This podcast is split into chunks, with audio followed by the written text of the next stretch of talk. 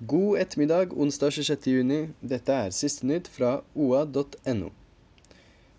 Seks parkerte biler ble påført skader i Raufoss sentrum i halv fire-tiden i dag. Det var en eldre bilfører som mistet kontrollen på bilen. Ingen ble skadet som følge av hendelsen. Rådmannen i Søndre Land mener kommunen må kvitte seg med gamle spøkelser. Han tegner et dystert bilde dersom kommunen ikke klarer å styrke seg som bo- og næringskommune.